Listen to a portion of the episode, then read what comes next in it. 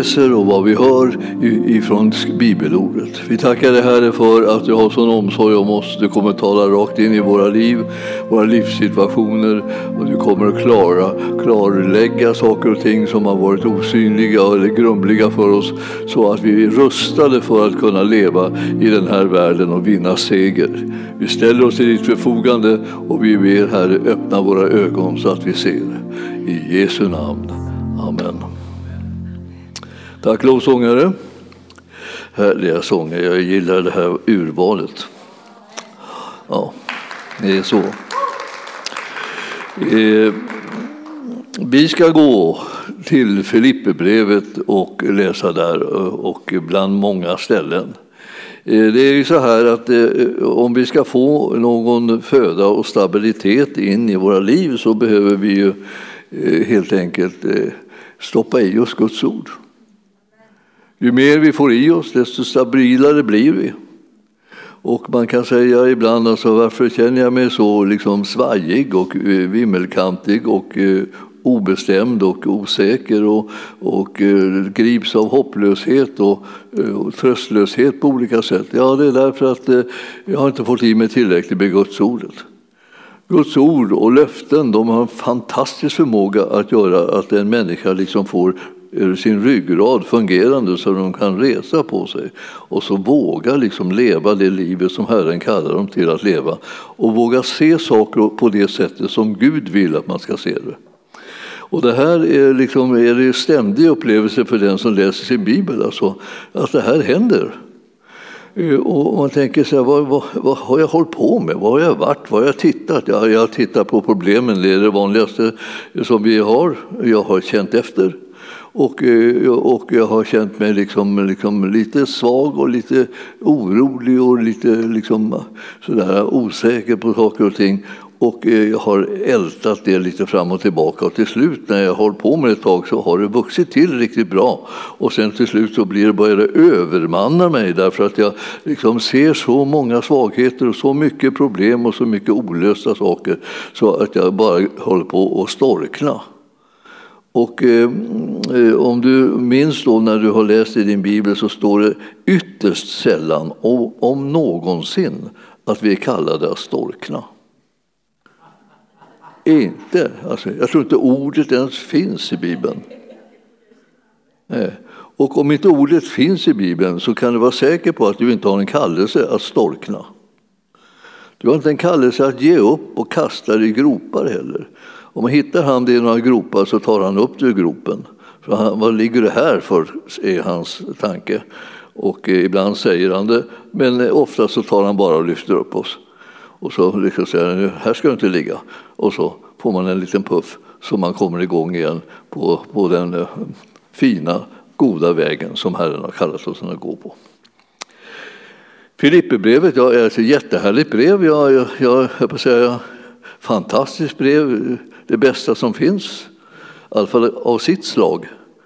Eh, alltså bästa Filipperbrev som vi kan tänka oss har vi i Bibeln. Det enda. Och eh, vi måste läsa det ofta därför att det har sådana många underbara saker i sig. Och eh, jag ska ta också och säga, jag trodde nästan att Lars skulle ta och Eh, knycka min predikan här. Han, han, han, kom in på spåret så det ven om det. Jag tänkte hjälp, eh, nu, nu finns det snart ingen anledning att jag går upp. Men eh, så, så behärskade han sig. Vilket var en fantastisk sak också. Det är inte vem som helst som kan. Nej, ibland så blir man helt enkelt av med predikotillfället därför att den som leder mötet liksom blir gripen av någonting som var riktigt bra i skriften som man själv redan hade blivit gripen av och förberett. Då. Men här fick ni bara liksom en liten försmak, så, precis lagom. Nu, fjärde kapitlet i Filipperbrevet, sjätte versen. Gör er inga bekymmer för något, utan låt Gud i allt få veta era önskningar suveränt bön med tacksägelse. Suveränt, underbart, underbart alltså att, alltså, att Herren talar så där till oss. Som kan ha så många svårigheter i livet, som kan möta så mycket utmaningar. Och så talar han så här ändå. Han talar så här, liksom generellt så här. Alltså, vad, vad, vad menar han? Vet han inte hur jag har det? Kan vi invända. Liksom, förstår han inte hur svårt det är? Fattar han inte att det är, det, nu är jag desperat? Jo, just det, det är det han gör. Och därför så vågar han säga rakt precis som det är. Ta fasta på det här nu. Alltså, det är inte så att du ska göra dig bekymmer för något. Och, eh, ja, vi, vi, vi vet ju inte, om vi ska vara ärliga, liksom. hur går det till? Alltså, hur, hur kan man låta bli att bekymra sig? Det är klart att man måste bekymra sig. Alltså, jag menar, inte måste, men, men klart att, man, att det är naturligt att man gör det om det händer massa obehagliga, otäcka saker liksom, i tillvaron. Alla, alla djävulens gärningar, all mörkrets liksom, aktivitet på olika områden, all, allt lidande, all nöd, alla, alla liksom, omöjligheter som vi stöter på. Det är klart att man måste bekymra sig. Alltså det är ju inte så att det inte är vanligt att vi bekymrar oss, för det gör vi naturligtvis lite till mans i olika situationer. Men Herren säger alltså att vi, vi ska inte göra oss några bekymmer för något. Han tycker inte att något har någon anledning att vara orsak till bekymmer för dig och mig. Vem är det som pratar till oss? Vår Herre. Och det där då, det är det som precis här om vi, om vi känner Gud, om vi minns honom, om vi har hört honom tala, om vi vet vad han har gjort, så liksom förlorar bekymren sin makt att ockupera oss. Alltså de, de, de, får inte, de får inte makt över oss och vår livssituation. De suger inte kraften ur oss eller, eller, liksom, eller uppfyller oss med sitt elände. Utan, utan han som vi har mött, han, han liksom tar över och blir den dominerande liksom, eh, uppmärksamheten, allt blir, eh, allt blir riktat på honom. Man tänker, vad har han gjort som gör att jag inte liksom blir upptagen av bekymmer fastän jag har så många bekymmer? Alltså, det är inte så att de inte finns, men, men det finns någonting som är större. Någonting som är mäktigare och härligare och mer underbart. Och det är frälsningen, hjälpen i Jesus Kristus och kraften i den heliga Ande att förvandla och förändra livssituationer så att vi inte behöver liksom ge upp och kasta oss i gropar och, och liksom bli förtvivlade och, och, och alldeles upp, utan, utan utvägar. För han är ju vår lösning och vår utväg och han har redan berättat den. Du och jag har fått ett budskap från honom att vi, vi, vi ska inte bekymra oss. Alltså, det här, jag, jag, jag, tänker på, det finns sådana här nästan så snudd på så bra verser som man blir irriterad på dem. Ja, alltså, särskilt när man står där mitt i bekymren, liksom, och man känner nästan knappt kan andas, om man blir så upprörd, och man blir så förtvivlad, och man blir så, blir så vanmäktig, man vet inte vart man ska vända sig för att lösa bekymren. Och så ändå, han som känner oss precis utan och innan, han säger sådana här ord till oss. Vad tar han sig till? Har han tappat liksom oss ur sikte? Liksom? Nej, det gör han aldrig. Vad är det då, då? Ja, han vill att vi ska höra vad han säger fastän vi inte har tänkt på det på länge. Alltså vi tänker på fel sak och han måste väcka oss så att vi tänker på det som vi ska. Och, och, och då säger jag, vad, vad hjälper det vad jag tänker på? Ja, det hjälper egentligen ingenting, men om du tänker på honom så kommer du märka att han hjälper. Det är inte liksom bara en fråga om vad du tänker på, utan det är frågan om vem som kan hjälpa. Du och jag behöver tänka på honom som kan hjälpa. Han hjälper då. Och du kan öppna dig för det här då. Istället för att du slutar och tänker att allt är omöjligt, det är omöjligt, jag vet, det kan inte göra någonting åt det. Så, så kommer han och säger så här, alltså gör dig inga bekymmer för något, säger han. Det kan hända att du har bekymmer nu, det är ganska troligt. Alla har liksom lite bekymmer här och där. Men, men vad kan vi säga, eh, om du lyssnar nu på det här så säger Herren till dig, gör dig inte bekymmer för något. Och, eh, och då tänker du kanske så att ja, det här nu pratar han till någon annan, för om, om man tänkte på mig så förstår han att jag måste ju bekymra mig. Det här är ju, det här är ju fruktansvärt och det är hemskt och, och det är oroväckande och, det, eh, och, och jag vet inte vad jag ska ta mig till. Och, eh, men så är det så här att det är tvärtom. Nu är det du som behöver höra vad han säger. Det är inte han som behöver liksom uppmärksamma dina bekymmer, för det har han redan gjort. Men nu är det frågan om, kan du uppmärksamma vad han säger? Det är väldigt knepigt. Ja, jag vet vad han säger, säger du nu. Nu börjar jag bli irriterad för att du tycker att nu, ska vi, nu behandlar vi de här bekymren ovärdigt. Vi ger dem inte tillräcklig uppmärksamhet och, och, liksom, och, och tänker på hur illa det är. Och så här. Eh, alltså, vi ska tänka på det här som han säger. Alltså. Han säger så här, gör er inga bekymmer för något utan, nu kommer lösningen. Låt Gud i allt få veta era önskningar genom åkallan och bön med tacksägelse. Alltså jag, när, jag, när, jag, tittar på en sån här vers så liksom tänker jag så här. När jag, när jag ser på den så här i början så tror jag att jag liksom, ja, det här kommer jag snart igenom. Men sen så när jag börjar titta på den i nästa, nästa bit och nästa ord och så kommer ett ord till och så kommer ett ord till. Och så tänker jag så här, hur i all världen ska jag kunna komma igenom den här versen? Den här är ju innehållsrik så jag nästan svimmar. Är, är, är det, är, Ja, alltså, och genom åkallan, alltså jag ska ropa på honom, det känner jag ligger nära till hans. Alltså, eh, när krisen är stor, jag, jag, jag måste ropa på honom. Och han säger, ja, ropa på mig. Säger han. Ja, alltså, vi, så vi var överens där. Det var ingen motstånd alls. Jag kan få ropa på honom och jag vill ropa på honom och jag kan inte annat än bara ropa på honom för jag känner mig helt ställd. Alltså jag, jag vet inte vad jag ska ta mig till. Och det här liksom är ju en förtvivlad situation. Alltså, eh, när man är pastor har man mött många förtvivlade människor. Så det liksom ingår i, i jobbet, höll jag på att säga. Alltså, man, man möter dem ständigt som förtvivlade. De, de kommer till pastorn och, och, talar om hur förtvivlade de är. Hur, hur, de har försökt alla möjliga saker och de har, vet inte vad de ska ta sig till. Och, och då, då, är det här så, då är det det här med att att så kommer någon som är förtvivlad och så, så, så är det åkallan som Herren säger. Vi ska göra våra önskningar så, eh, kända då genom åkallan. Vi ska ropa på Gud. Så ropa på Gud. Och vi ropar och vi ropar och vi ropar på Gud och det är liksom bra. Och vi ska ropa på Gud när det gäller just de här eh, önskningarna, behoven som vi har för att liksom få de här bekymren lösta. Men inte liksom alltid ge, betyda att, att vi ska ge Gud råd om hur han ska göra. Men sen är det ju så att det, det, kan de flesta säga så här. Det är väldigt skönt att man slipper ge, ge Gud råd om hur han ska göra eftersom man inte har några sådana råd att ge honom. Det är just problemet med bekymmer är ju ofta att man inte har några råd.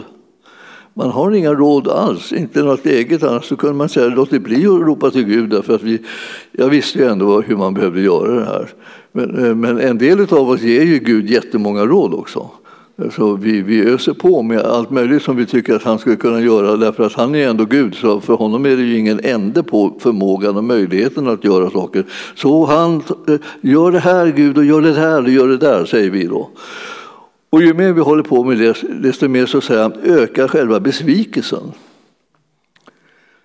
Man blir mer och mer besviken över att han inte gör det. Nu har jag gett dig en jättemånga bra lösningar som du skulle kunna ta, gripa tag i Gud. Och, då, och, och så skulle du kunna liksom fixa hela problemet. Och, och så gör han inte det. Alltså, jag, jag vet inte, ska jag ge det, måste jag ge dig en till och så ger jag honom fler. Och så får han fler sådana här råd hur han ska göra och så gör han inte det heller.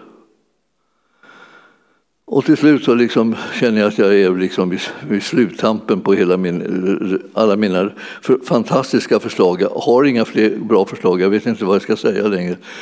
Och jag, jag tänker jag, nu börjar, liksom, nu börjar komma tillbaka till det här, vad ska jag göra då? Det, det första rådet var att ropa, ropa till Gud. Alltså, det, det betyder inte det som jag skulle vilja att det betydde, nämligen ge Gud råd. Utan det betyder eh, be honom om hjälp. och, och ropa på honom därför att du vet vem han är, skulle jag vilja säga också. Det är svårt att ropa till någon om hjälp om man inte vet vem den är. Om man inte vet att den kan hjälpa då är det ju liksom nästan, det går, de här ropen går ju över nästan med en gång. Men om man vet att han kan hjälpa så kommer vi att ropa på ett annat sätt. Det blir en annan ton så att säga i själva ropet. För vi, vi behöver vara medvetna om vilken mäktig Gud vi har. Och eh, alltså, eh, bibelordet som säger så här, jag vill lära känna honom och den han har sänt. Jag vill liksom få del av uppståndelsekraften in i mitt liv. Jag vill, vill ta emot den utrustning som han vill ge mig. Jag förstår att den som han vill ge mig är den bästa, det är den som är lösningen. Och jag behöver veta att han har den och att han vill hjälpa mig. Och han säger åkalla mig. Och jag kanske tänkte, oj, oj, oj, oj jag miss, missförstod det här. Jag, jag byter spår. Jag börjar ropa på honom helt enkelt. Liksom, så ungefär som Bartimeus. Alltså, jag ropar bara, desperados liksom, har jag blivit. Jag ropar, ropar, ropar, ropar för att han ska höra mig komma och hjälpa mig. Och det, det konstiga är liksom den här, sådana här rop på barmhärtighet. Herre, hjälp, förbarma dig över mig. Förbarma dig, förbar, förbarma dig över mig. Det är sådana här rop som Herren älskar att höra. Det är sådana här rop som fullkomligt hejdar honom vart han än är på väg. Vad, vad han än är på väg att göra. Han har sina prioriteringar antar man. Men så plötsligt så kommer någon och ropar Förbarma dig! Jesus, förbarma dig! Och så det blir tvärstopp. Alltså, Jesus kommer inte, kommer inte vidare eh, liksom en millimeter. Det här, det här. Så, om lärjungarna tycker låt inte störa så, men det är så många som gapar här och härjar. Så här. här var det någon som ville att jag skulle förbarma mig. Det är därför jag är här. Ja. Och förstår, Alltså det, det, är så gripande. Va? Man blir så, man blir så ja, man, ja, man blir helt enkelt gripen. Så, så. Man tänker så här, tänk att han är sån. Och så, så här, det, det, är massor med folk. Det det är många som håller på och skriker efter det. Det är många som liksom, rör vid det. Det är många som håller på och bökar. Så här. Men Jesus kände igen när det var någon som rörde vid honom på det där sättet. Som gjorde, den fick det den bad om. Den fick det den trodde för. Den fick det den väntade sig att finna när den kom till Jesus. Oj, oj, det är, så, det är som en, liksom en helt annan värld som öppnar sig. Liksom. Därför att nu kommer man inte liksom och villkorar, villkorar, villkorar allting. Utan nu kommer man och tänker, det är han. Han är den enda som kan hjälpa mig. Han är den enda som förmår. Han är den enda som är god nog. Alltså, Alltså vi sjöng att du är god, god, god. Jag, jag tänkte så här, ja det är ingen gräns för det. Alltså. Han är så god. Och du och jag behöver ha en god Herre, annars är det ute med oss. Och vi behöver också bli liksom lika en god Herre.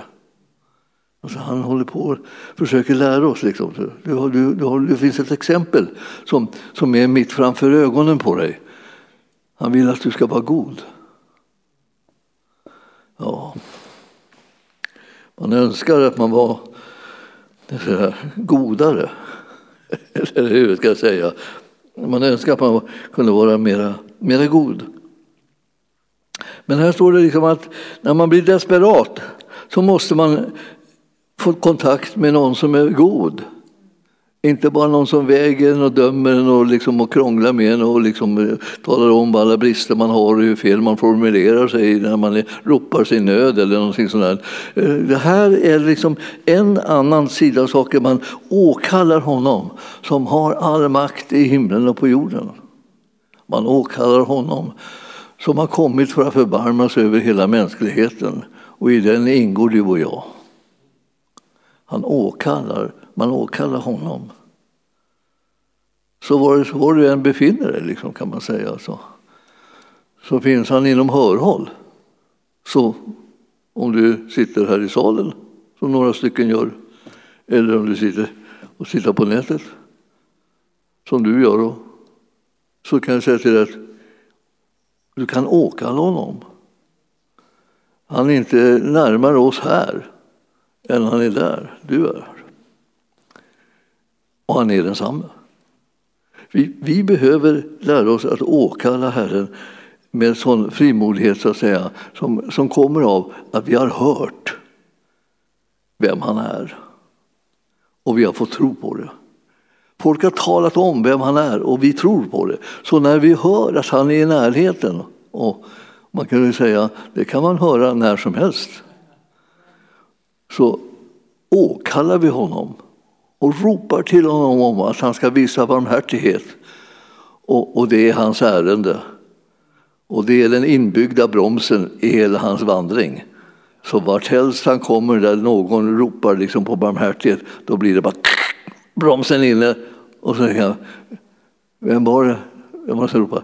Och lärjungarna lever i en annan värld och liksom bara tänka att nu ska vi försöka lotsa Jesus genom skarorna här. Alla är krånglar och är i vägen och alla ska rycka och dra i och alla vill det ena och det andra. Och lärjungarna tänker vi, vi är poliserna. Så vi håller undan folket och bort mer och bort mer och Jesus är på väg till en viktigare stad än den här lilla byn och, så, och sådär. Ja. Och så plötsligt bara så är det, är det bromsen inne så här. Och vem var det som ropade så här? För fram mannen. Och lärjungarna blev snurra till för honom. Ja, okej. Okay. Han går fram till honom och säger så här, ja, han kallar på det. Har du tur liksom? Har du tur? Men det hade han inte tur. För han ropade på den som han trodde på. Han hade hört om honom att han förbarmar sig över människor. Har du hört det också? För det här är ju faktiskt frågan. Om du och jag sitter hjälplösa eller om vi har tro. Det är samma Herre som fortfarande liksom plötsligt är alldeles i närheten och du kommer på att han är i närheten och du ropar på honom. Och då förbarmar han sig över det och säger kom, kom. Och så är det på väg in i det som är lösningen i din livssituation. Det är så, det är så häpnadsväckande och förvånande och, och härligt som man skulle vilja skrika vad säger jag? Jubla över att vi har en sån Gud. Så åkallar han alltså. Och sen kommer han och säger, vad vill du? Kan Jesus fråga så här, vad vill du? Så, det betyder, vad vill du att jag ska göra för dig? Ja, vart, vart det plötsligt så enkelt? Här var, liksom, man trodde att man hade liksom ett, helt, ett helt berg framför sig man skulle liksom ta sig igenom och kämpa på och formulera sig rätt och, liksom, och säga, be om rätt saker i den här stunden och tänka ut hur han ville göra. det. Ja, han, alltså, det, var, det var ju ingenting. Han, han, och sen kom han inte på något snyggt heller, utan han bara sa låt mig få min syn. Han var ju blind och så. så. Låg ju nära till hans att säga det då. Och eh, liksom, eh, det var det. Och jag skulle säga att, att, att det, det blev som enkelt, det blev en liten bön, låt mig få min syn. Den var inte, man kunde ju ha ett djupt resonemang om liksom möjligheten till att bli helad. Och, och, och, diskutera hur vanligt var det och hur mycket, många gånger fick man räkna med att det kunde hända i ens liv och, och sådär. Alltså det här är, det här är liksom väldigt, väldigt konstigt. Liksom. Alltså vi har, vi har liksom en väldigt egendomlig liksom grej. Alltså hur, man tänker vi ibland på statistiken. Vi får ju höra mycket statistik i dessa dagar. Man får liksom höra liksom hur, hur många som blir sjuka, hur många som blir friska, kanske någon gång också, men mest hur många blir sjuka och sen så hur, hur många som dör och, och, och, så där. och vilka åldrar de är, hur, hur stor risk man har för att tillhöra fel grupp så som man, som man dör eller, eller som man lever eller hur, hur, vad det nu är. Alltså man har, hör sådana här hela tiden, dagarna ända så att säga. Det finns ju liksom, nyheterna nästan handlar bara också om sånt och sen har man extra program då man talar om samma saker om och om och om, och om igen. Till slut så är vi nästan alla övertygade om att vi, kan, vi kommer liksom att dö allihopa eller, eller vi kommer gå under eller vi kommer bli sjuka. Så det här, vi kommer, man kommer inte undan för man vet inte liksom egentligen vad det är och man vet inte hur man kommer bort ifrån det och så där. Och så får man höra att eh, vaccin har tagit slut eller, eller, eller har det blivit färre eller det blivit färre människor som hjälper eller vad som helst. Liksom. Och, och vi försöker liksom hålla näsan ovanför vattnet ända tills vi kommer på att vi, vi kanske skulle ta och eh, ropa på honom som är i närheten. Och han, han har en, en, en hjälp att ge. Och när vi börjar säga det, han frågar liksom, vad, vad vill du? Och, och, då blir det plötsligt någon som frågar vad man vill och som kan hjälpa en. Då har man ju kommit i ett liksom alldeles fantastiskt läge. Alltså vilket underbart läge att få vara med honom som vill hjälpa en, som har förbarmat sig över en och som frågar en vad, vad, vad önskar du för någonting. Då? Och, eh, och då, då säger han det som är hans problem, som har satt prägel på hela hans liv nu. Han har fastnat så att säga i att han, har, att han är blind och där sitter han. Men så fort han får kallelsen att komma till Herren som han tror på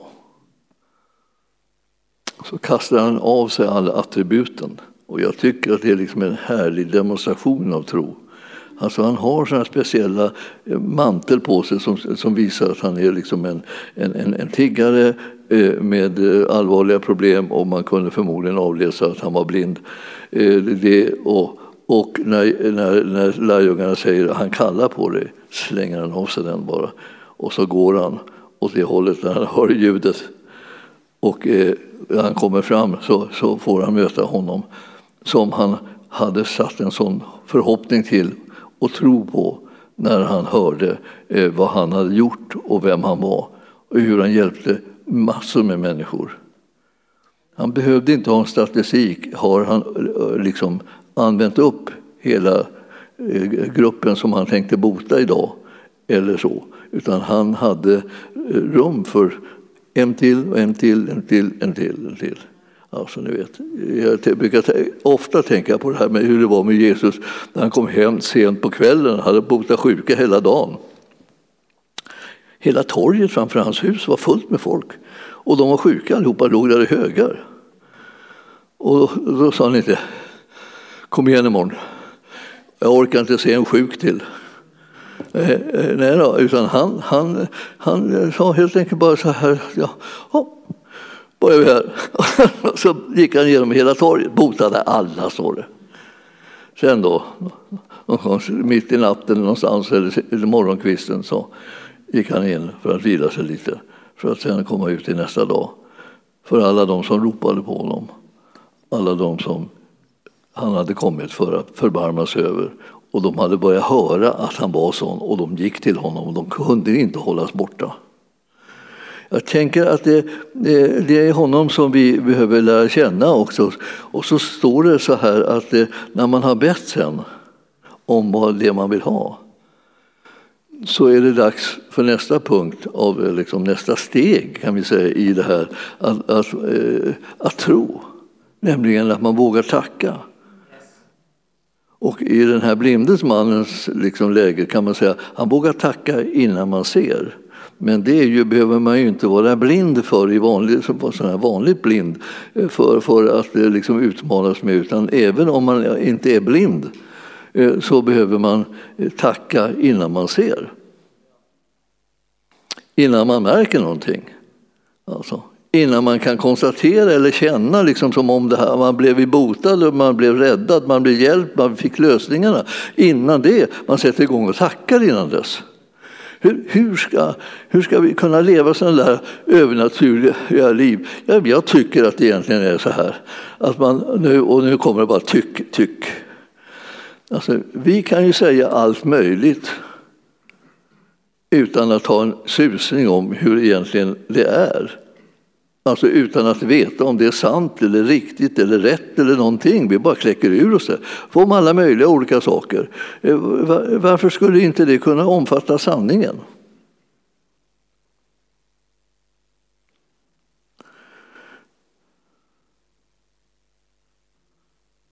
Ja, alltså jag menar, om du nu liksom eh, kan tänka dig att liksom säga all möjlig smörja liksom, och alla möjliga gissningar om tillvaron, och situationer och allting och vad det beror på, hur det är och allt det här, så kläcker du ur liksom dina idéer så här. Om du kan göra det, varför skulle du inte kunna kläcka ur sanningen också?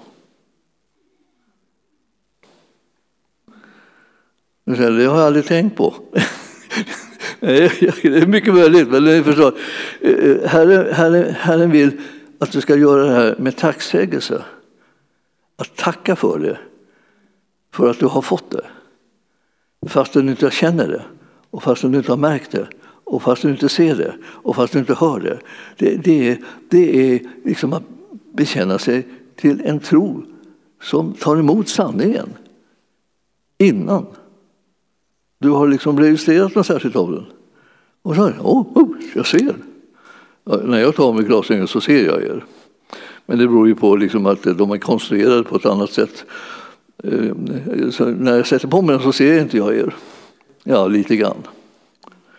Men eh, en blind person, liksom, han ser dem inte liksom, när han sitter där, men när han blir botad så ser han ju. Men innan han blir botad så behöver han säga tack Jesus, jag ser. Jag är helad. Prisad vare Gud. Och mitt när han står där och liksom prisar Gud och tackar Gud för att han är helad, fast han inte ser, så är det precis som om någon tog av honom glasögonen och så ser han. Han vågade ta ett trosteg, öppna sin mun. Vi vågar ju ta, göra trosteg utan att vi, vi vet någonting om någon sanning och, och säga allt möjligt som vi gissar om tillvaron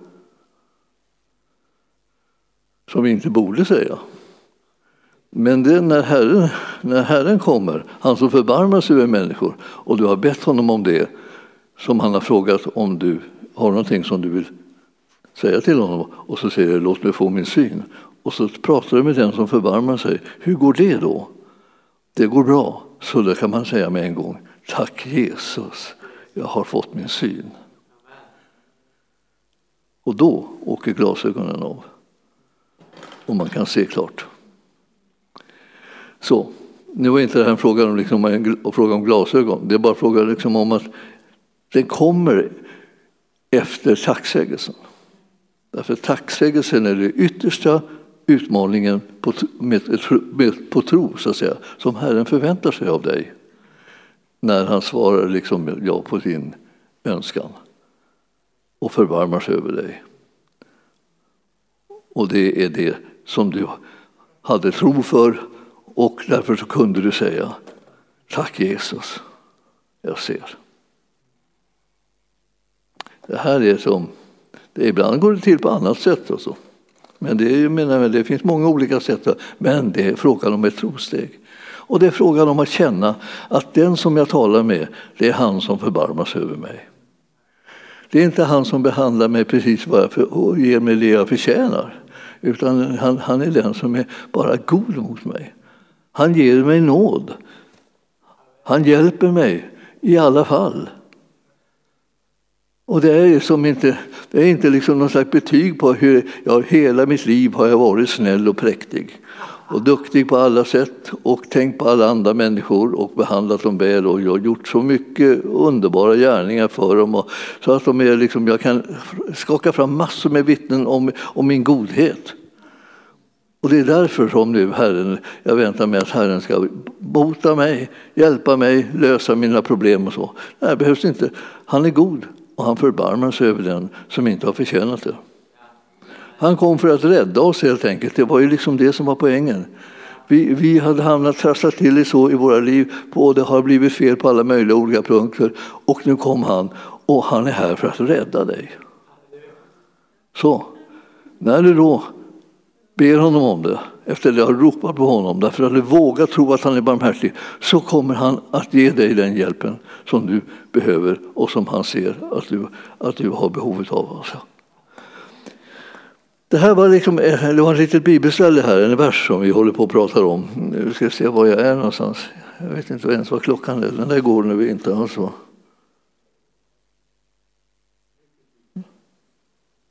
det är väl. Jag trodde den hade, trodde den hade stannat. Ja, då så. 12. Ja, då, då, nu ska vi få några andra bibelställen, suveräna och jättebra. Och eh, det, det är, först, ska vi, först ska vi gå till eh, Apostlagärningarna 10.38, så välkänt bibelställe, men det, det, behöver man liksom ha med. Det är liksom en, en, en, en beskrivning av vad, vad, vad, vad, håller Jesus på med.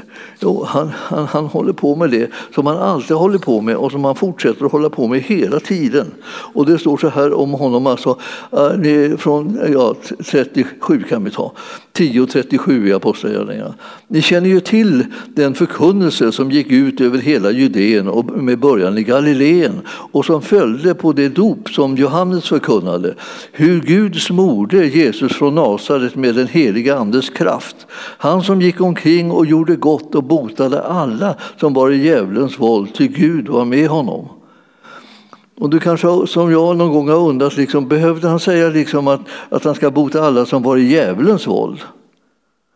Så man sjuk är man i djävulens våld. Vet du varför man säger det här överhuvudtaget eh, i Bibeln? Alltså min tolkning, eller liksom mitt ljus över det här, handlar om att du för att du ska förstå att det var inte Gud som gjorde folk sjuka.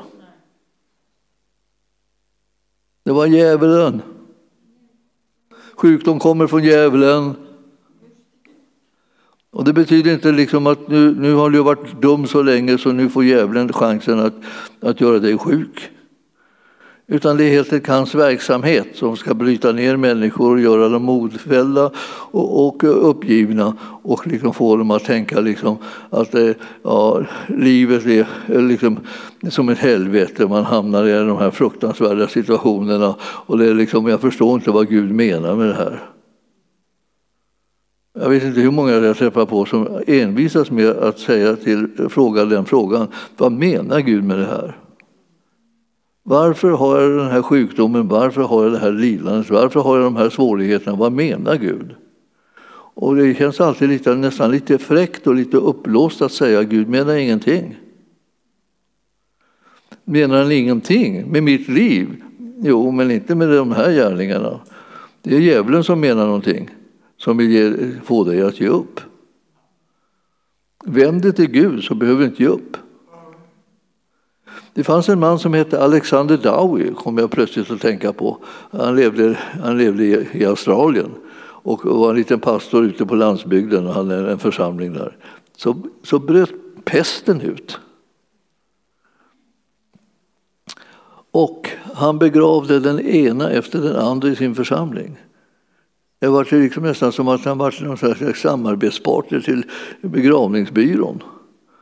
Istället för liksom att få folk att få liv och, och så, här, så, fick, så dog de då hela tiden. Andra dog också. Men jag menar, i hans församling dog de och, de och det var begravning och det var begravning. Och han bad och han ropade till Gud och så här. Och, och, och till slut så, så, så kom Herrens ande över honom. Och, eh, och han förstod hur han skulle göra. Eh, alltså just han fick en slags instruktion ifrån Herren. Och han skulle, han skulle bryta sjukdomens makt och driva ut sjukdomsandarna och sen skulle han be om helande. Ja. Det känns ju inte väldigt konstigt utan det känns ju rätt så vanligt, alltså normalt på något sätt att göra så. Men alltså det var under Herrens ledning som han skulle göra så. Och han satte igång. Så fort det liksom blev nästa person som liksom blev sjuk på det här sättet så, så gick han dit och, så, och så, så drev han ut den här sjukdomsanden och sen bad han om helande. Och mannen, eh, så, eller kvinnan, jag kommer inte ihåg vilket det var, frisknade till. Och så fortsätter det på det. Från den där stunden alltså, vart det inga mer dödsfall i hans församling. När den där epidemin var över då tänkte han, jag kan inte sitta här ute på landet liksom, med den här eh, insikten och hemligheten. Det finns ju massor med sjuka men de flesta är ju någon annanstans nu, och inte i min församling. Ja, Då åkte han iväg och slog han upp ett tält och tänkte att han ska slå upp ett tält och ska han inbjuda folk att komma så han kunde få bota dem. Så han slog upp ett tält utanför och tänkte jag, jag, jag, jag slår upp det utanför en cirkus. Dit kommer det ändå massa folk och liksom är beredda på att gå in i tält. Så han ställde upp ett litet tält där och gjorde jättestora skyltar som såg ut som, som nästan täckte tältet så man knappt kunde se det. Och där stod det alltså, Jesus helar idag, kom in, kom in och låt honom hela dig. Och så. Och eh, då, då var det så här, och folk kom och, och, eh, och blev helade. Då blev han polisanmäld. Då. Och för att då hade han, då hade han brutit mot någon kvacksalverilag och, och eh, det var förbjudet. Och så hamnade han i fängelse för då en viss tid och, och sen ut igen och upp med tältet. och eh, och så hann han bota några stycken innan det var dags igen för att åka in. Och så åkte han in och så åkte han ut, och åkte han in och ut. Och in och ut och in och ut, in och ut. Till slut tänkte han att jag måste kanske ta mig någon annanstans. Här. Det är så väldigt tjatigt. Nu, nu, det senaste året som han var då hade, var, satt han mer i fängelse än han var utanför. Det måste finnas en plats som man kan arbeta lite mer i ro, liksom, tänkte han. Så då åkte han till Amerika. Då. Och där eh, satte han igång med ungefär samma Eh, då. Och där fanns det liksom mera, de hade lite mera vana vid de här eh, lite vildare, vildare tagen kan vi säga på det här området. Och därför så, så dröjde det länge innan han liksom började få motstånd. Men då var det inte samhället som var motståndet utan då var det konkurrenter som liksom blev arga på honom och andra kyrkor som inte ägnade sig åt något helande eller befrielsetjänst började liksom, eh, eh, liksom hota honom på olika sätt. Och till slut så var det så att eh, de visste var han höll hus. Liksom. Han, brukade sitta och förbereda sina predikningar i vissa tider liksom, på sitt kontor i byggnaden de här, som han hade. Då. Och så då la de en bomb där då, och, eh, så, och så sprängde de där. De sprängde sönder liksom halva kyrkan för honom. Men just den dagen så hade Herren lett honom till att göra något sjukbesök. Så därför så, så var inte han där, utan de bara eh, sprängde liksom själva kontoret för honom. Men han började känna av att det här börjar bli allvar. Och till slut så, så eh, växte det till och många människor kom ju därför att de, det var, blev väldigt sug på det här för man längtade ju efter att kunna bli helad. Och liksom, det här var ju ändå vad ska jag säga, slutet av 1800-talet nu så att nu var det ju inte så jättemycket eh, andra saker att välja på. Den, sjukvården var ju inte så långt eh, kommen i, i sin... Så att här, man, man behövde, behövde hjälp, hjälp. Eh, och det blev mängder med människor som kom. Och han blev ju liksom nästan så att han slog över i, i stolthet över det här, att det var så fantastiskt. Så att eh, han tänkte så här, om jag skulle ta och köpa ett land Alltså en stat. Så han tänkte det. Först tänkte han att han skulle köpa Israel, då, då, liksom Palestina. På den. Men det var ingen som ville sälja det till honom. Då. Så det gick inte liksom hem. Och sen tänkte han, vad ska jag göra då? Jag försöka köpa någon annan. Jag tänkte köpa någon Söderavsö eller någonting så här, någon som är ledig. Men eh, han fick inte tag i någon sån heller. Då. Och, och till slut så tänkte jag ja, det här verkar omöjligt att köpa någon som finns. Man kanske måste köpa bara liksom en liten landplätt. Och sen bygger man en stad där och, börjar med det som, och sen kan man bygga ut då liksom landet. Så då byggde han en stad. Och, och eh, den heter Sion och liksom ligger, ligger utanför Chicago.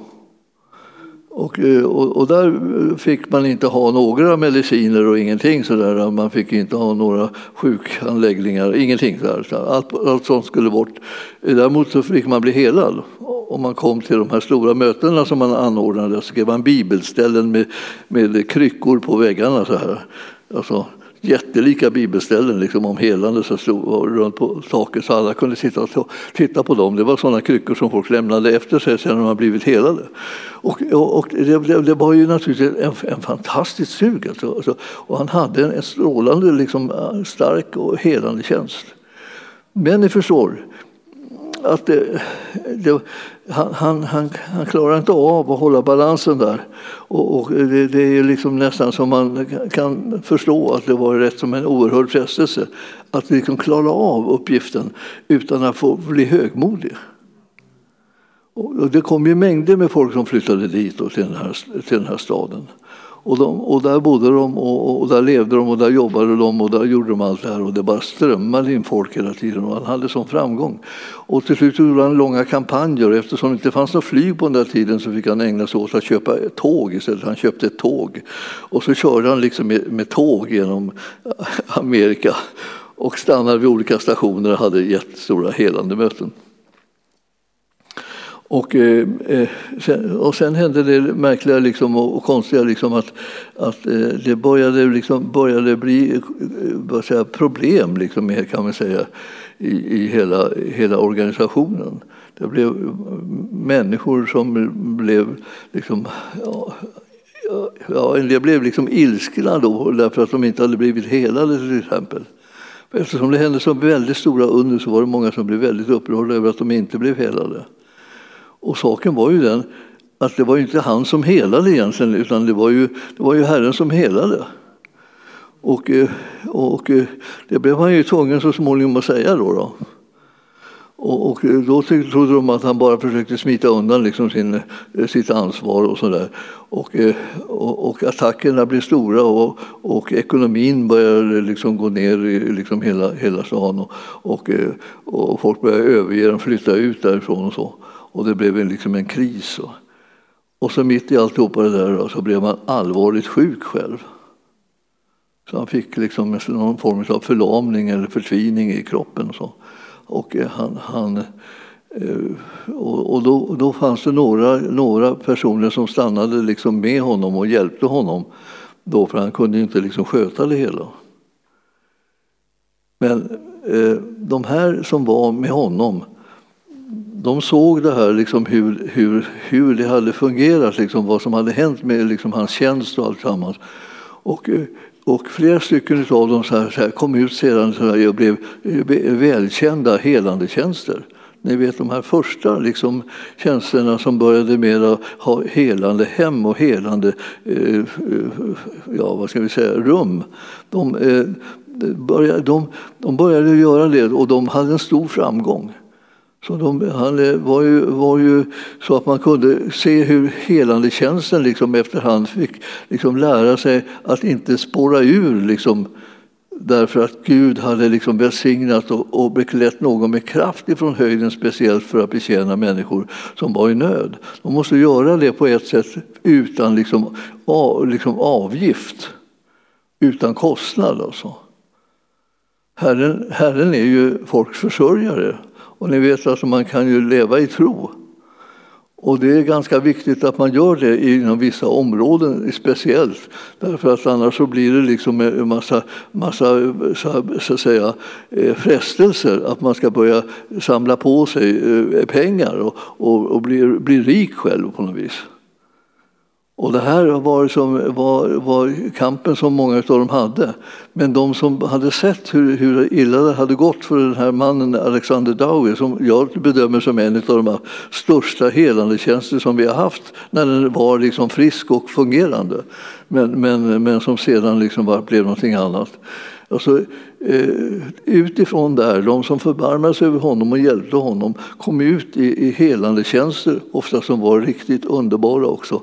Och, och eh, jag skulle säga till er att, att eh, man ska under alla omständigheter inte bygga på människor. Man måste säga, säga så här, varifrån har vi fått allt detta? Var kommer allt sammans? Vem är det som ska äras? Vem är det som ska upphöjas? Och vem är det vi ska tro på? Så? Och allt sammans egentligen handlar om Herren. Det är han som är värdig att prisas och lovas och upphöjas. Och det är han som har gett oss makt att göra det goda som vi kan göra för människor. Och det är han som ska liksom få då, eh, liksom lovet och priset från, från människor som har blivit helade och eh, upphöjda. Så här. Och jag, jag känner att när vi, när vi läser så här Eh, bibelställen om att vad Jesus gjorde och hur han gick omkring och gjorde gott och botade folk så var det inte så att han, att han egentligen eh, höll på med någonting annat än det här. Han visade att vad var det som var Herrens inställning till människor som var sjuka? Jo, hans inställning var att han ville förbarma sig över dem. Och så var det också för dem som, liksom, som hade förlorat liksom, gemenskapen med Gud. Så ville han förbarma sig över dem genom att erbjuda dem en gemenskap Eh, genom tron på Jesus Kristus. Så att frälsningen blev det här att vi kunde bli födda på nytt och bli Guds barn. Och räddningen för kroppen och kroppens sjukdomar blev det att vi kunde bli helade och botade och eh, eh, genom det eh, få känna av det, ett bevis på Herrens kärlek också till oss. Och samma sak när det gäller den andliga fångenskapen eller själiska problematiken så fanns det där en befrielse från dessa onda makter som, som skadade människor också på själsplanet. Och jag, jag vill säga till er att det, här, det, här är, det finns lösningar som Herren hela tiden talar om. Men det han säger till oss, alltså var, var inte liksom eh, bekymrade över alla de här sakerna utan sätt tro till honom som förbarmar sig över er. För han vill att ni ska lära känna honom så, så att ni blir trygga, inte så att ni blir rädda. Och därför behöver man också veta liksom att, det, att det här är sjukdomar så här. Eh, det, det, det är inte Guds verk, det, det, det är djävulens verk. Men djävulens verk är liksom ingenting i förhållande till den gärning som Jesus gjorde. Han har vunnit, han har trampat synden, döden och djävulen under sina fötter. Han har vunnit seger över de här krafterna och makterna. Och vi behöver känna till det och vi behöver låta andra människor veta det också så att det blir känt och spritt att vi har en frälsare och vi har en läkare och vi har en befriare som kan hjälpa alla människor. Och han kan göra det av ren barmhärtighet och med, av ren nåd. Och vi behöver inte gå omkring och tänka hur ska jag kunna kvalificera mig för det här? Utan du har en Herre som redan har gjort allt för dig för att hjälpa dig. Och efterhand när din tro växer starkare genom att du lär känna honom i ordet och vet mer och mer vem han är så kommer du också kunna öppna ditt hjärta och ta emot det som du behöver genom den tro som Herrens ord väcker. Det här är alltså väldigt fantastiskt att han kan liksom, eh, nå våra hjärtan och att det här kan vara eh, en, ibland en process. Jag, eh, jag, menar om du tittar tillbaka på ditt liv så kanske du märker att, det, att för, för liksom tidigare i livet så, så kanske när du ägnade liksom mer tid åt att vara med Herren och vandra med Herren och göra hans vilja så, var det liksom, så hade du en, en, en starkare tro och större frimodighet. Och en del befinner sig just där nu och ska behöver liksom få en, en, en starkare tro och en större frimodighet. Och den kommer genom gudsordet. Så när man har tid och, och, och, och, och, lust och vilja att komma honom närmare och lära känna honom bättre, det är då som tron växer. Och när tron växer då blir man också en större liksom, och mera benägen att motta de goda gåvor som Herren hela tiden ger ut. Så han håller inte på och liksom stryper till det. Han håller på och försöker öppna det genom att han talar om vad han har gjort och vilken seger som han har vunnit. Och så påminner han om vad tror ni jag kom hit för? Jo, jag gick omkring och demonstrerade liksom vad det var som var den gudomliga viljan för människor som, som möter Jesus. Ja, det var det att han ville bota de sjuka och befria de fångna och upprätta människor och han ville eh, ge alltså frälsning till hela människan kan vi kort och gott säga. Och när det där börjar sprida sig, liksom då, då är det inte frågan om liksom att tänka så här, ja men varför gör inte det och varför gör inte det? Det här, det här är frågan om att du lär känna honom så att du vet att allt det där som du behöver, det är, kan du förvänta dig av honom. Och du kan be honom om det och, och, du kan se vad det är som är löftena så att du kan liksom förankra dina böner också på de löften som han har gett för att få en stabilitet i det här med att ta emot ifrån Herren det som han vill ge till dig. Han vet ibland liksom också bättre det är det konstiga, det. vi tror ju aldrig det riktigt eh, att det kan vara sanning, men han vet ibland bättre vad vi behöver än vi själva. Alltså, det, är lite störande. Liksom jag tänker så här, skulle inte jag veta vad det är som är mitt lidande eller min svårighet eller min kamp? Skulle inte jag veta det?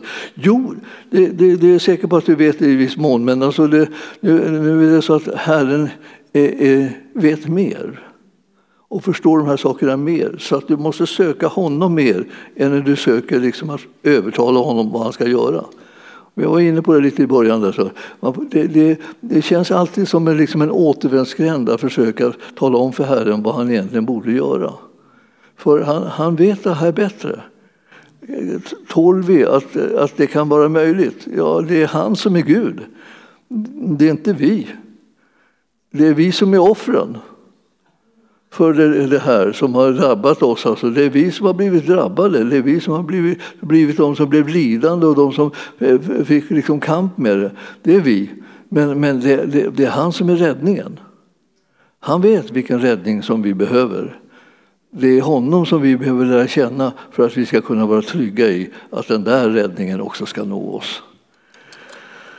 Ska vi gå till 91 salmen i Saltaren då, bara för att njuta lite extra? Den här är, den har ju blivit en, en, en, en ska säga, dröm eh, bibelställe för mig. Liksom, jag, jag, vet inte varför. Jag, jag, jag har haft alla möjliga andra bibelställen för men, men under de senare åren har det varit den här. Dagarna i ända, för jämnan för jämnan. Så läser jag den här och bekänner mig till den här. Och eh, det som är det fina med den här speciellt, alltså när man har läst den så, så eh, blir man glad. Så blir man eh, stark, liksom, blir man viss. Känner man sig som att det, det har, jag har fått reda på någonting som är så, så gott och så härligt och så fantastiskt och så hoppfullt för mig och för alla som jag möter att eh, jag, jag är rustad med eh, en, en, en, utrustning som kommer från himlen och som säger de mest underbara ting om vad som är möjligt för den som tror. Och jag vill att alla ska veta det.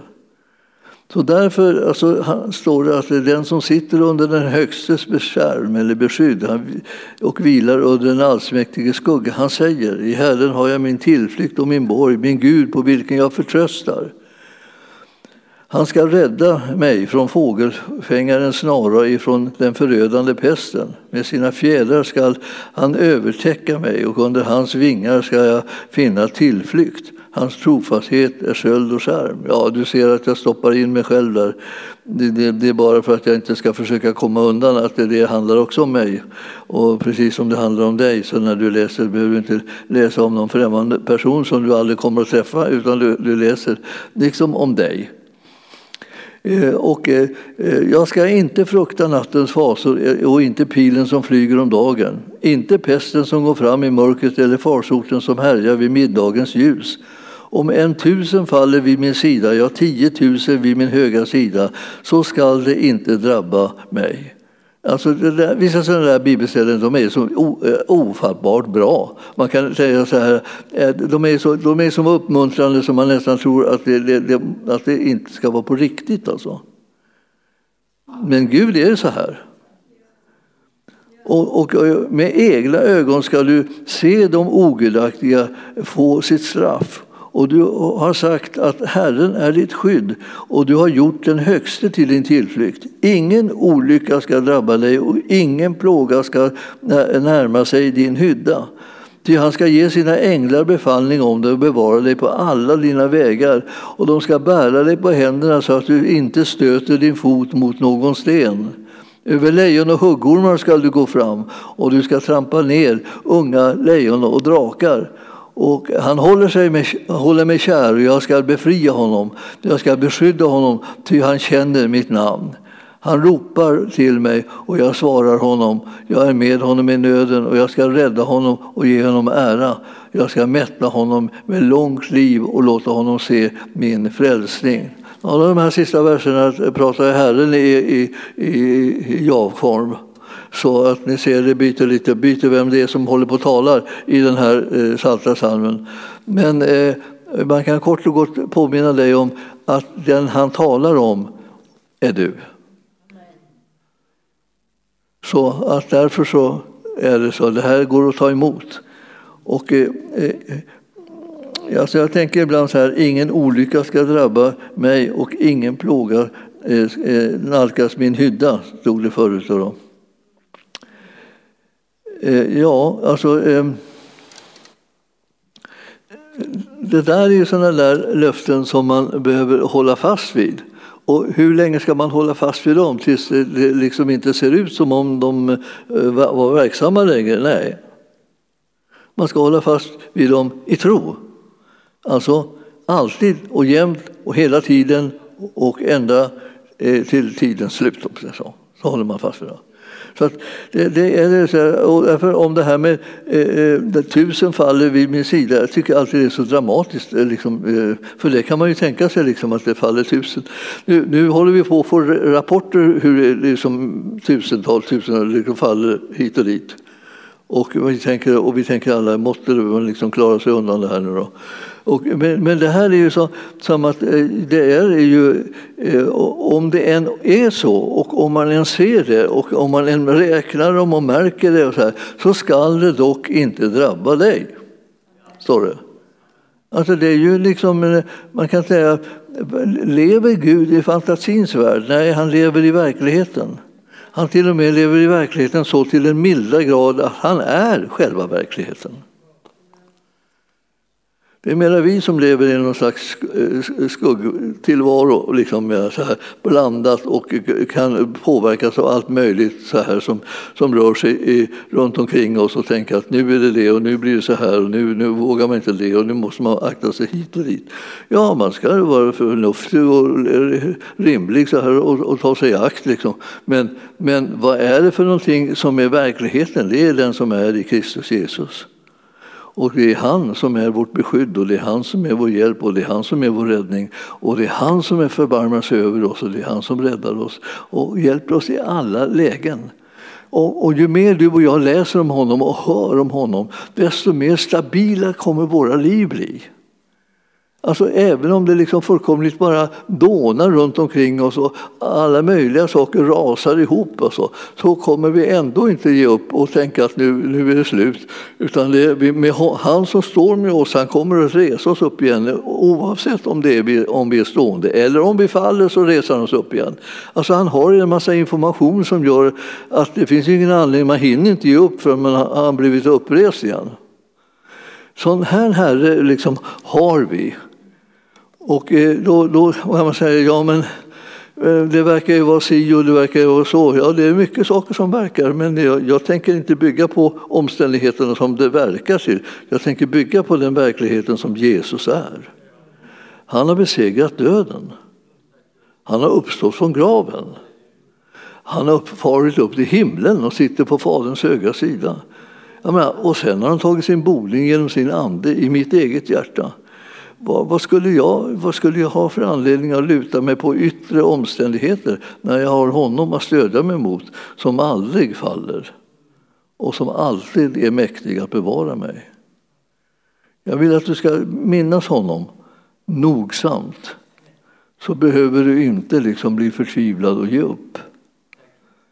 Så det, det, det behövs människor som har en, har en tro på att Gud är verklig som kan börja tala ett, liksom ett ord till människorna om en levande, verksam Gud istället för att bara dela farhågor med varandra eller liksom låta sig skrämmas ihop. Alltså, I högar liksom, står vi liksom livrädda tillsammans. Det är liksom, vi, vi, vi har inte kallelse att hålla på och sprida sån här typ av information utan vi har kallelse att sprida evangelium. Det är inte så att inte liksom den här verkligheten finns liksom för många människor i, i deras liv. Och det är inte så att inte vi skulle bedja för dem eller sätta stå i tro för dem. Eller så, för det ska vi visst. Men vi ska inte hålla på och prata om det här hela tiden så vi bara bidrar till någon slags fruktan för att det här kommer drabba alla och envar. Ingen kommer skydda sig, ingen kommer undan. Allt, allt är bara liksom på väg utför. Vi tror att vi har en frälsare som är mäktig att rädda oss. Vi tror att han vill förbarma sig över oss oavsett vad det är för situationer som vi hamnar i. Vi tror att han, att han älskar oss och har möjligheter att sätta upp en mur runt omkring oss precis som hans namn är, kallas för att vara ett högt torn. Och den som tar sin tillflykt till det namnet Jesus, den, den blir bevarad, står det. Och då är det det vi gör. Vi säger att ta din tillflykt till namnet Jesus och det är hans person och det är hans liksom, verkliga, eh, verklighet som du och jag ska leva i. Så det han säger, det är det som är vår sanning. Så att det, här, det här vill jag bara påminna er om. Jag, jag, tycker inte liksom att det är alldeles bra att vi bara ägnar oss åt att vara lika rädda som man är i världen. Utan vi, vi har anledning att vara trygga med tanke på vilken frälsare vi har. Oavsett hur det ser ut i den här världen och oavsett hur, hur det ser ut i vårt liv så har vi fortfarande en frälsare som är mäktig att frälsa. Och då tänker jag så här, var, var, var, var, kommer han ifrån den här? Har han ingen kontakt med verkligheten? Jo, jag har kontakt med Jesus. Och det är liksom det som jag vill, vill höra mer om, se mer om, tänka mer på, bekänna mig till, glädja mig över och upphöja och ge ära, så är det Jesus. Han som har makten, han som har omsorgen om alla människor, han som förbarmar sig över människor. Jag tycker det är så underbart att tänka på hur, hur god han är. För att jag tänker, om jag tänker på hur god han är, hur ska jag då kunna samtidigt sitta och tänka på liksom, hur, att han lämnar mig i sticket? Eller att han lämnar någon i sticket. Alla de som kom till honom tog Jesus emot. Hur gick det för alla de som inte kom till honom? Ja, han fick inte chansen att ta emot dem. Har ni tänkt på det? Han tog emot alla de som tog, kom till honom. Han botade alla som kom till honom. Han hjälpte dem. Alltså det, man, man tänker så här, ja men hade han inte liksom någon slags domstolsförfarande liksom, där han gick igenom och prövade dem och, liksom, och bedömde om de egentligen skulle hålla måttet, om de skulle duga för en hjälp eller om det så? Nej. De som kom till honom kom därför att de trodde att han skulle hjälpa, sig, hjälpa dem och förbarma sig över dem. Ja. Och det var vad han gjorde. Dagarna är ända. Så om du tänker att du skulle komma till honom, hur skulle det gå? Det skulle gå precis lika bra som det går för vem som helst som kommer till honom. Nämligen man blir mottagen, man blir hjälpt. Och eh, han, han kommer att visa vem han är och han kommer tala de ord som man behöver höra. Och han kommer väcka den tro som man behöver, som ska växa fram i ens liv för att man ska kunna ta emot hela härligheten som han har vunnit för vår räkning. Det finns, det finns alltså en mäktig Gud. Så när det precis som när vi sjunger vilken mäktig Gud vi har så tänker man så här, tar vi inte i nu då? Det är en överdrift vilken, vilken liten Gud vi har. Nej, det kan vi inte sjunga om. Det, det finns ingen anledning att sjunga då överhuvudtaget om man har en liten Gud. Men om man har en mäktig Gud så finns det anledning att sjunga, sjunga det. Och han är det. Han är mäktig. Och därför så, eh, så finns så, så många, många, många ställen som handlar om Guds väldiga makt och hans väldiga kraft. Och allt det här ska du lägga på ditt hjärta så att du är, liksom är beredd att tro honom när det stormar omkring dig. Då ska du tro på honom. Och eh, jag kände en gång en, en, en frälsningssoldat. Han och jag studerade samtidigt till präst. Han, han, var, han var liksom, han var, han, var, han var typisk frälsningssoldat som jag i, i, mina ögon. Då. Jag hade ju sett dem rätt mycket för jag bodde vid Östermalmstorg där, där Frälsningsarmén i Sverige där de startade liksom med sina lokaler. Och han hade sån här lite ackordion som han liksom sjöng. Och han sjöng alltså med Jesus i båten kan man vara trygg mitt i stormen eller vad det hette. Så här. Och så sjöng han det på den. Det sjöng han då på pastorsexpeditionen när vi, när, vi, när vi vickade där på somrarna. Så tog han fram, tyckte han att det här börjar bli dålig stämning. Liksom, så, så tog han fram sitt ackord och så sjöng han sådana här låtar. Och han sjöng och, liksom, och han, han, var inte så här som lite blygsam som man, vi var tränade i Lutherska kyrkan. Utan han, han, utan han sjöng så det bara dånade. Liksom. Det var nästan så att, så att fönstren skallrade. Och, eh, och, det, och det var Jesus som var vår trygghet och så. Och jag tänkte på att det, det här var, det var eh, det var liksom lite det var avundsvärt, kommer jag ihåg jag tyckte. Alltså jag, jag, var, jag var ju tränad i den, liksom, den eh, stilla, tysta eh, aktsamma typen. Så. Men, men han var helt en bullrig, hela tiden. Liksom. Och tänkte så där kan man inte hålla på jämt. Men det gjorde han alltså. Så länge som jag kände honom så var det bara buller hela tiden. Liksom. Och, eh, och jättemånga eh, som kom, de satt i högar ute i väntrummet där in till pastorsexpeditionen. Och alla som satt där ville träffa honom. Alla de andra prästerna som var, det, det, det, var de inte intresserade av att träffa. Men, men de, honom skulle de träffa. Då. Och han busade med dem och han gav dem bibelord och han, han bad för dem så det dånade. Och han gjorde allt det där. Han betjänade människorna. Man kan säga egentligen kort och gott, han förbarmade sig över dem. Och när de gick därifrån så var de liksom glada och uppåt och, och, och hjälpta och, liksom och kände att de hade blivit betjänade och älskade och, och, och sådär. Och, och sen liksom kom de gärna tillbaka nästa dag. De tyckte att det var så härligt, det ville de ha mer av. Och så här. Han, så han fick till slut problem med att liksom det blev lite mycket. Eh, han, alla, alla som var liksom fullkomligt eh, urhungriga ur, ur, på, på lite kärlek och uppmärksamhet. De, de, de kom ju lusande där. Och det, det var, men han, han hade en uthållighet som var otrolig. Och, eh, och de andra liksom bara tyckte att det var, så där kan man väl inte göra. så. Men, men, eh, men eh, för människorna så var det ju liksom verkligen härligt att få äntligen liksom möta någon som brydde sig om en. Och jag tror att eh, vi ska vara bärare av det här som är det goda som Herren har gett oss för att kunna säga det att det finns faktiskt en, en lösning och en hjälp hos den levande guden. Han, alltså han har kommit, Jesus, för att göra, göra, berätta hur en Gud är. Och han, han visar att Gud är god. Och han visar att Gud älskar människor och han förbarmar sig över dem och han väntar sig att liksom de ska komma till honom. Och då har han redan förberett hjälpen och utvägarna och lösningarna som de behöver. Att väckas till tro liksom, det görs man genom bibelordet och inte genom, bara genom gärningar. Men, men, men att väckas till tro är ju räddningen för oss att kunna komma in och förvänta oss att det som skedde i bibelordet det kommer också ske i våra egna liv. Han är precis densamme. Han är inte annorlunda utan likadan. Och det var ju så, han är likadan idag. Det var också en sån där sång som man, som man hör, hörde honom sjunga.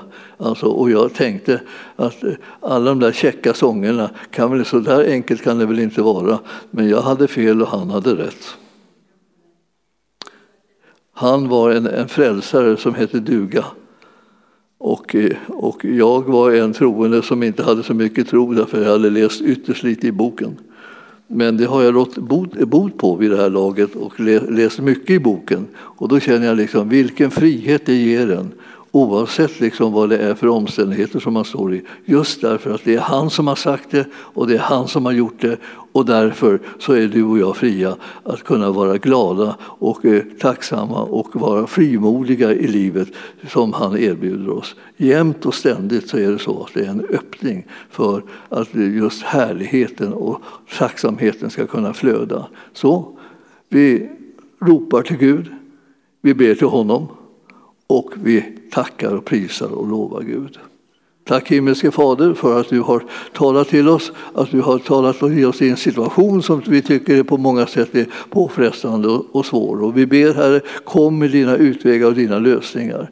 Jag ber om beskydd för församlingen och alla församlingens medlemmar. Jag ber om beskydd för alla församlingens vänner och alla de som kommer och gästar oss genom att följa oss på nätet.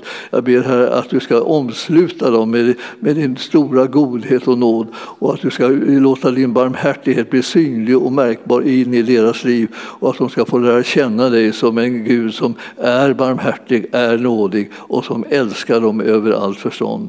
I Jesu namn. Amen.